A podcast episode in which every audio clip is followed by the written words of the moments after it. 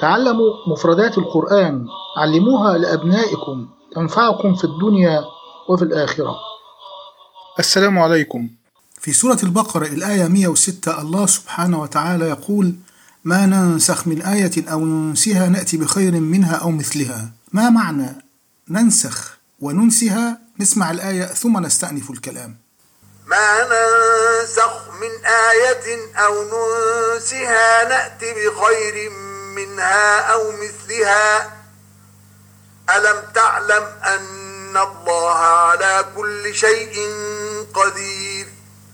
جاء في تاج العروس ينسخه أي أزاله والشيء ينسخ الشيء نسخا أي يزيله ويكون مكانه. والعرب تقول نسخت الشمس الظل وانتسخته أي أزالته. وجاء في تهذيب اللغة أن النسخ هو إبطال شيء وإقامة آخر مقامه.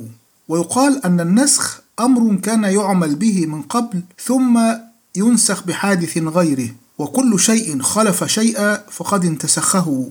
كقولنا انتسخ الشيب الشباب ومنه نسخ الكتاب.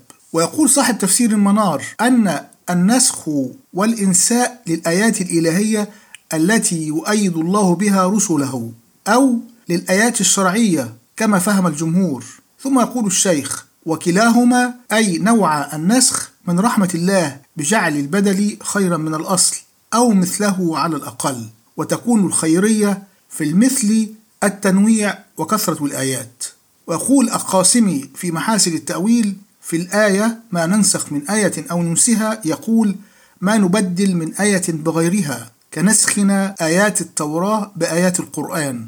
أو ننسها أي نذهبها من القلوب كما أخبر سبحانه وتعالى بقوله ونسوا حظا مما ذكروا به ويقول الشيخ المراغي في تفسيره عن شيخه قال الأستاذ الإمام والمعنى الصحيح الذي يلتئم مع السياق أن الآية هنا ما يؤيد الله تعالى به الأنبياء من الدلائل على نبوتهم أي ما ننسخ من آية نقيمها دليلا على نبوة نبي من الأنبياء أي نزيلها ونترك تأييد نبي آخر بها أو ننسها الناس لطول العهد بما جاء بها فإن بما لنا من القدرة الكاملة والتصرف في الملك نأتي بخير منها في قوة الإقناع وإثبات النبوة أو مثلها في ذلك. ثم يقول ومن كان هذا شأنه في قدرته وسعة ملكه فلا يتقيد بآية مخصوصة يمنحها جميع أنبيائه.